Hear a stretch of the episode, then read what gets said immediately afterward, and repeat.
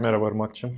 11. programda yine e, biraz daha geniş pencereden bakacağız ve ekonomi tarihinden bahsedeceğiz. Son 2500 yıldır antik Yunan düşünürlerinden bu yana ekonomi ile ilgili tartışılan konulara, üzerinde uzlaşılamayan temel sorulara bakacağız. İstersen o sorulardan başlayalım. Ekonomi deyince genelde insanların aklına ilk gelen şey para oluyor ve özellikle de paradan para kazanmak oluyor. Ama tarih boyunca ekonomi bilimi aslında böyle para veya paradan para kazanmakla çok fazla ilgilenmemiştir. Yani onun ufak niş bir alanıdır o.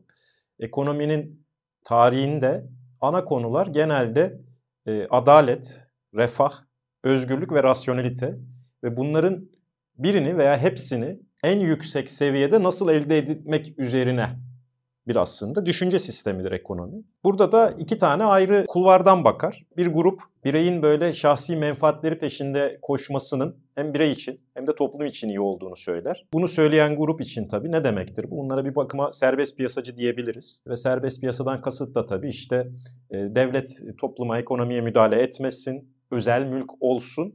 E, insanlar kendi birazcık daha tabiri caizse kafalarına göre hareket etsin ve bu şekilde piyasalar bir görünmez el ile zaten kendi kendisini düzenler. Yani devlet ekonomiye karışmasın diyen grup bu. Bir ikinci grupta tabii ekonominin toplumun genel refah için olduğunu ve ekonomik kararların da toplumsal bir şekilde, bireysel değil toplumsal bir şekilde ele alınıp uygulanması gerektiğini söyler.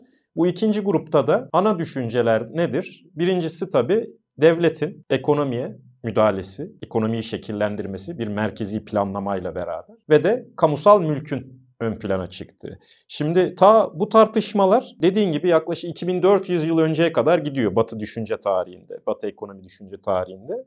İlk aslında karşılaştığımız dönem Platon. Yine 2400 yıl önce Platon bir devlet kitabı vardır onun. Platon tabi Sokrat'ın öğrencisidir. Sokrat'a da bazen atıflarda bulunur. Platon bu devlet kitabında bir ütopyayı yani aslında bir ideal dünyayı sunar kendi okuyucularına veya işte onu takip eden insanlara.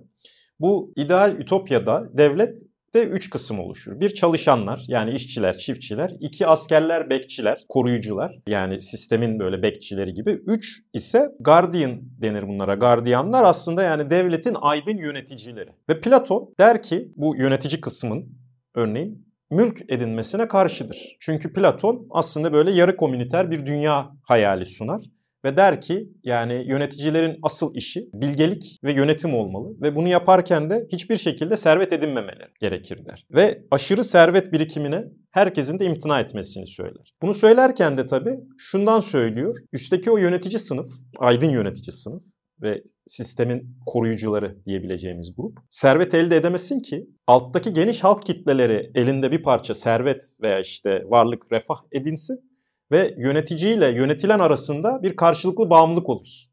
Çünkü yöneticinin elinde bir servet olmazsa aslında kendi geçimini veya kendi hayatını ve ailesinin hayatını idame ettirmesi için de aslında geniş halk kitlelerine bağımlı olmak istiyor.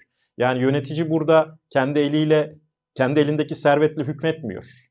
Yani para eşittir servet, e, servet eşittir güç diye bir denklem yok Platon'da. Ve aslında dediğim gibi yönetici sınıfın elinde mülk olmasın, mülk geniş halk kitlelerine yayılsın der, yarı komüniter. Ancak hemen akabinde Aristo geliyor. Aristo Platon'un öğrencisi ve bu görüşü desteklemiyor. Aristo özel mülkü destekliyor. Ama özel mülk insanlar elde ettince diyor bunu halkın, toplumun genel faydası için kullanması gerektiğini ve kullanacağını iddia ediyor. Yani evet kişiler şahsi servet elde etsin ama bunu halk yararına kullansın diyor. Ve tabi Aristo'nun büyük bir ahlak felsefesi vardır. O da genelde her şeyi kararında tutmaya yöneliktir. Uçlardan kaçının der. Yani bireysel mülk konusunda da Aristo evet mülk edin ama aşırıya kaçmadan edin. Elde ettiğin mülkün de halkın, toplumun genel faydasına aç diye söylüyor. Ve aşırı tabii kararında da ne demek? Kararında servet yani belli bir konfor, kendi ayakları üstünde durabilmek, belli bir maddi bağımsızlığa kavuşmak demek. Ama fazlası zarar diyor. Ve Aristo örneğin paradan para kazanmaya da karşıdır aynı Plato gibi. Yani tefeciliğe karşıdır. Bundan sonra Avrupa düşünce tarihinde yani tabii antik Yunan yıkılıyor, Romalar yıkılıyor. Uzunca bir süre böyle bir karanlık dönemden geçiyoruz. 13. yüzyıla kadar. Yani yaklaşık 1600 yıl boyunca çok da fazla bir fikir üretilmiyor Avrupa'da. Ondan sonra 13. yüzyılda bu e, antik Yunan'ın özellikle de Aristo'nun eserleri Batı dünyasında tekrardan keşfediliyor ve tekrardan yorumlanmaya başlıyor. Bunu da ilk en önemli yorumcularından biri Thomas Aquinas 13. yüzyılda. Kendisi bir İtalyan Dominikan rahibi, filozof ve ilahiyatçı. Ve yorumlarında ilk başında tekrardan böyle bir ekonomiye baktığında, tabii ekonomi mi denebilir artık buna, çok ekonominin emek, emekleme çağları diyelim buna 13. yüzyıldaki düşüncede. Thomas Aquinas'ın ortaya attığı en önemli kavramlardan bir tanesi adil fiyat. Bir malın değeri fahiş olmamalı diyor fiyatı. Bir malın satış fiyatı onun ederi değeri kadar olmalı. Yani kime ne faydası varsa o kadar bir değeri olması lazım der. Onun için fahiş fiyata karşıdır. Ayrıca tabii kendisi bir ilahiyatçı da olduğu için yorumlarken de ekonomik bölüşüm konusunda ki en önemli noktalardan biri de ekonomik bir karar alınırken toplumun en fakir kesimlerinin de ihtiyaçlarını mutlaka ama mutlaka göz önünde bulundurmalıyız der Thomas Aquinas. 16. yüzyıldan itibaren e, teknolojinin de gelişmesiyle birlikte deniz aşırı ticaretin başladığını görüyoruz e, ve şu anda anladığımız anlamda kapitalizmin de belki ilk e, tohumları atılıyor bu dönemde. Bu gelişme ekonomiyi düşüncesini nasıl etkiliyor? 16. yüzyılda dediğin gibi 1500 yılların başında dünyada özellikle tabii Batı dünyası burada Avrupa'dan e, bahsediyor. Navigasyon yani yön bulma, dünyada yön bulma ve gemi inşa teknolojileri gelişiyor ve bir anda okyanuslar keşfedilebilir hale. O güne kadar bilinmeyen kıtalar ki bunların başında tabii Amerika, Kuzey ve Güney Amerika geliyor. Bunların keşfi ve bir anda yepyeni böyle bakir topraklar ve uluslar keşfediliyor. Şimdi bu yapılırken bu dönemde 1500 ile 1750 yılları arasında merkantalizm diye bir düşünce oluşuyor. Özellikle İngiltere'de çıkıyor. Ekonomi zaten Batı dünyasının ekonomik düşüncesi de birazcık da İngiliz sporu gibidir açıkçası. Yani çoğu fikir oradan çıkmakta. Bu merkantilistler, Türkçeyi bunu böyle ticaretçilik diye çevirebiliriz. Deniz aşırı ticaret konusunda ve ulusların servetinin kaynağı konusunda iki görüşe sahipler. Bir, diyorlar ki servetin kaynağı, bir ulusun servetinin kaynağı kıymetli madenlerdir. Yani altın ve gümüş. Onun için her ulus olabildiğince altın ve gümüş biriktirmelidir. Servetin ve gücün kaynağı budur diyor merkantilistler. İkinci görüşleri de uluslararası ticareti bir zero sum game yani sıfır toplamlı oyun olarak görüyorlar. Yani diyorlar ki uluslararası ticaret olacaksa biri kazanıyorsa biri kaybediyordur. Onun için biz kazanan olmalıyız diyor. Yani bizim ulusumuz kazanan olmalı diyor. Peki bunu nasıl kazanacağız diyor. Bunlar aşırı korumacı ve devletçi. Şöyle ki yani bizim ulusumuz olabildiğince ihracat yapsın Özellikle bu yeni açılan sömürgelere ve diğer uluslara karşı ve ithalat yapmasın. Bunu da yaparken altın ve gümüş biriktirelim diyor. Tabii bunların bir siyasi uzantısı da oluşuyor. Kaldı ki bu arada bu merkantilizm birazcık da hani e, izleyicilerimiz böyle hani yerli ve milli lafını da hafiften hatırlatıyor olabilir. Yani bol sadece ihracat yapalım, ithalat yapmayalım. Aslında bu dediğim gibi 1500-1750 yılların merkantilist düşüncesine de yakın bir görüş. Peki merkantilizmden ne çıkıyor siyasi olarak?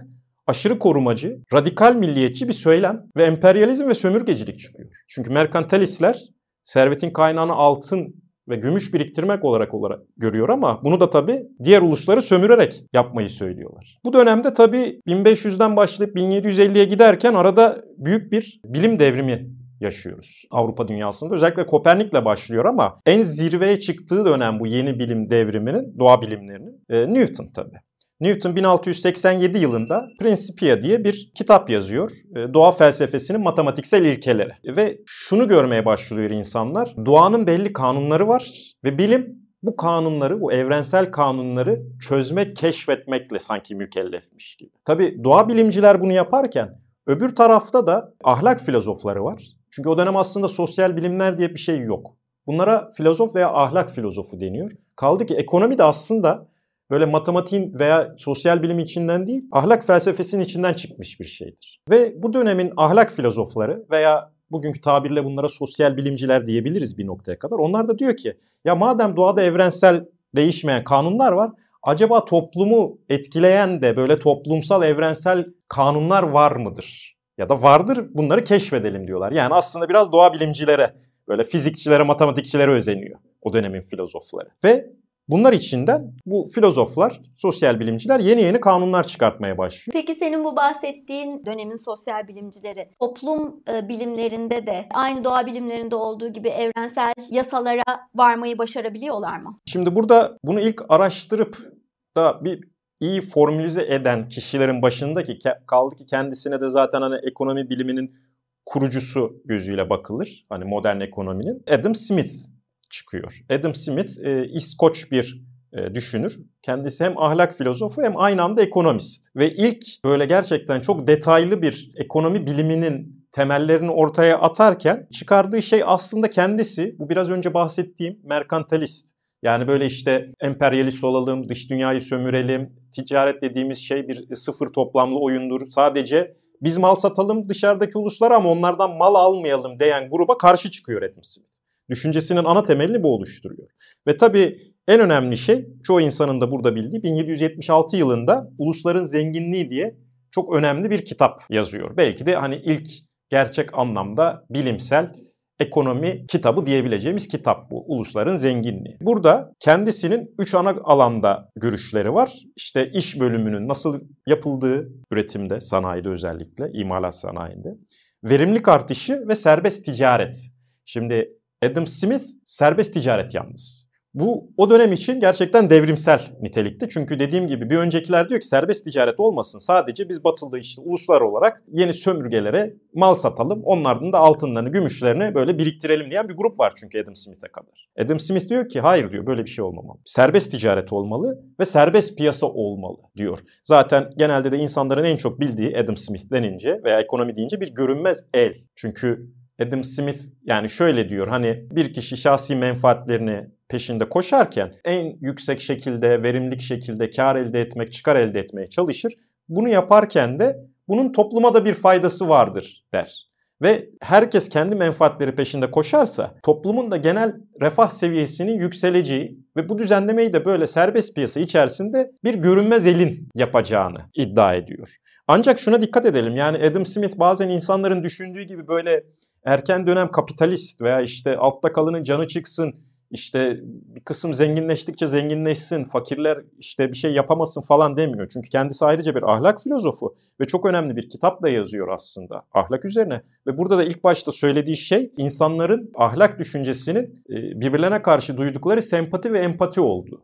Yani bir insan acı çekiyorsa biz bunu hissederiz. Bir empati ve sempati yaparak ve özellikle de örneğin fakir insanlara yani sistem dışı kalmış insanlara da çektikleri zorluklar ve acılara karşı da yardım edilmesi gerektiğini de öğütleyen bir düşünür Adam Smith. Bu dönemde tabii bu klasik ekonominin doğuşu ve birbirini böyle besleyen bir ekonomist grubu var o dönemin. Misal Adam Smith'le beraber David Ricardo da ortaya çıkıyor. Ricardo önemli bir düşünürdür ve aslında Adam Smith'in de bu serbest ticaret üstüne kurduğu kavramları iyice geliştiren bir kişidir.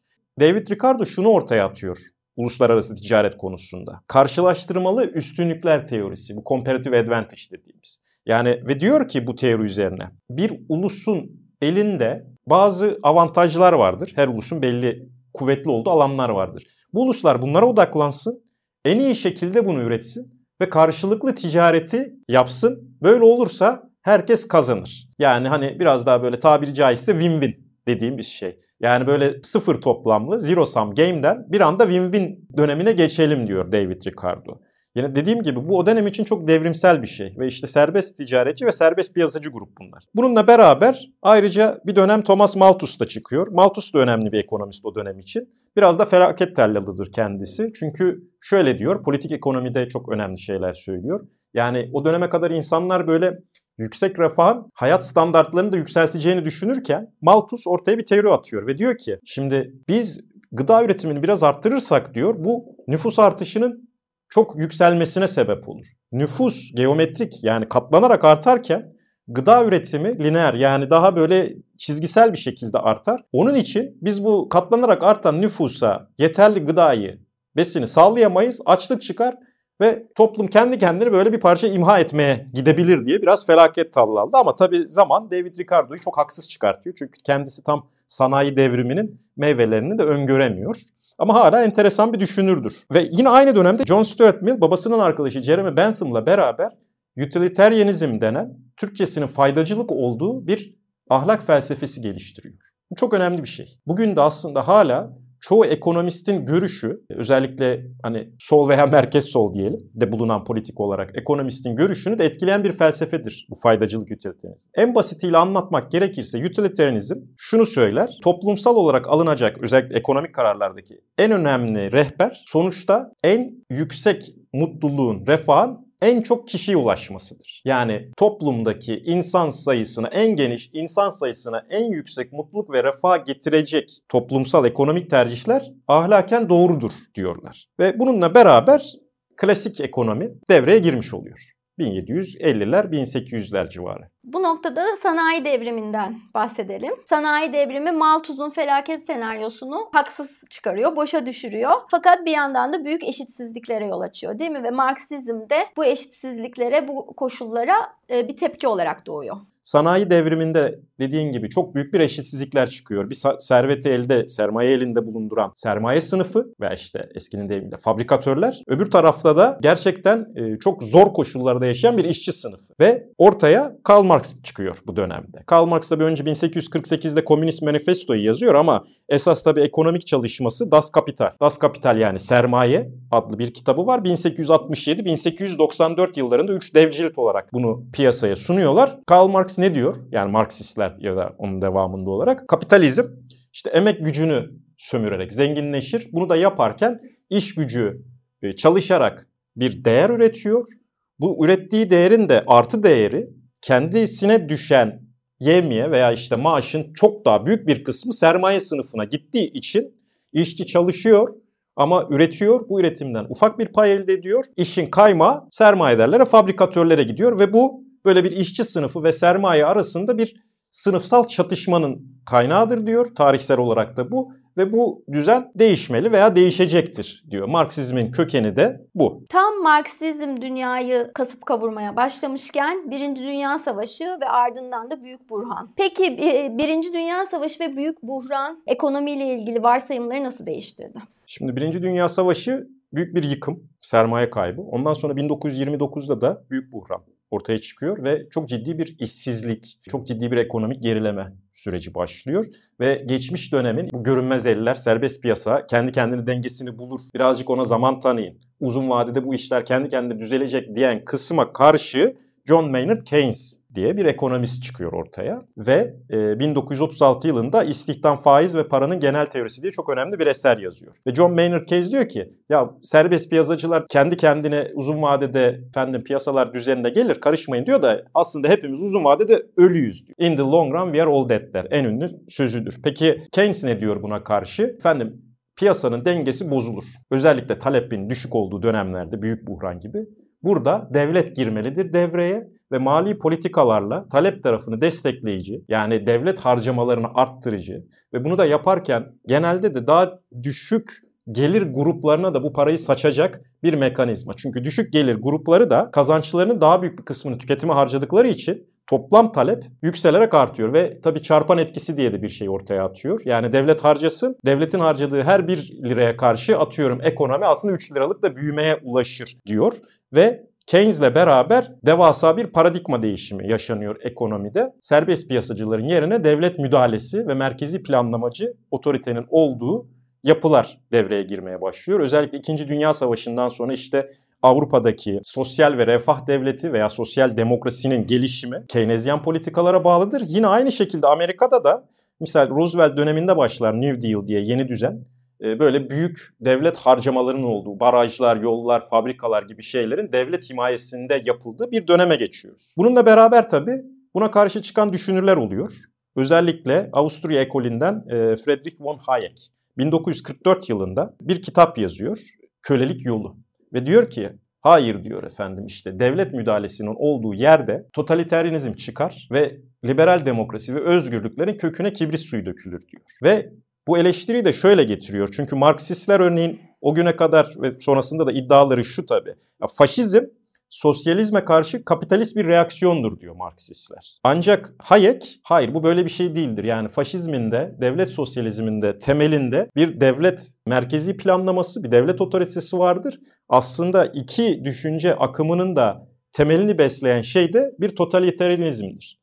Yani bireyin olmadığı her şeyin topyekün bir devlet tarafından örgütlendiği bir şeydir. Bu da liberal demokrasi için tehlikelidir diyor. Ve tabii burada bir şey daha oluyor İkinci Dünya Savaşı'nın sonunda. Bretton Woods planı devreye giriyor. Bu IMF'nin de kurulduğu dönem. Çünkü devletler birbirlerine karşı böyle rekabetçi devalüasyon yapmasın. Onun yerine bunu gözetecek ve eğer e, bir döviz sıkıntısı yaşanırsa belli bir ülkede devalüasyon gitmek yerine IMF devreye girsin diye 1944 yılında Bretton Woods devreye giriyor. 70'lere geldiğimizde ise Bretton Woods sisteminin çöktüğünü ve e, Arap dünyası ve İsrail arasında yaşanan Yom Kipur Savaşı'nın ardından büyük bir petrol krizi çıktığını görüyoruz. Bu gelişmeler ekonomiyle ilgili varsayımları yine değiştiriyor değil mi? 1970'lerde bu petrol şoku, petrol fiyatlarının bu savaşlarda özellikle 73 Arap-İsrail Savaşı ve 79'da tabii İran'daki Mollaların yönetimi ele geçirmesiyle petrol fiyatları dünyada çok hızlı artışa geçiyor ve çok büyük bir arz yönlü bir şok yaşanıyor. Yani arzda çok ciddi sorunlar sorunlar yaşanıyor ve stagflasyon dediğimiz bir şey ortaya çıkıyor. Stagflasyon ekonomi böyle büyümezken işsizliğin arttığı, artmaya devam etti ve enflasyonun yükseldiği bir dönem. Ve Keynesyen politikaların burada bir işe yaramadığı düşüncesi haiz oluyor ve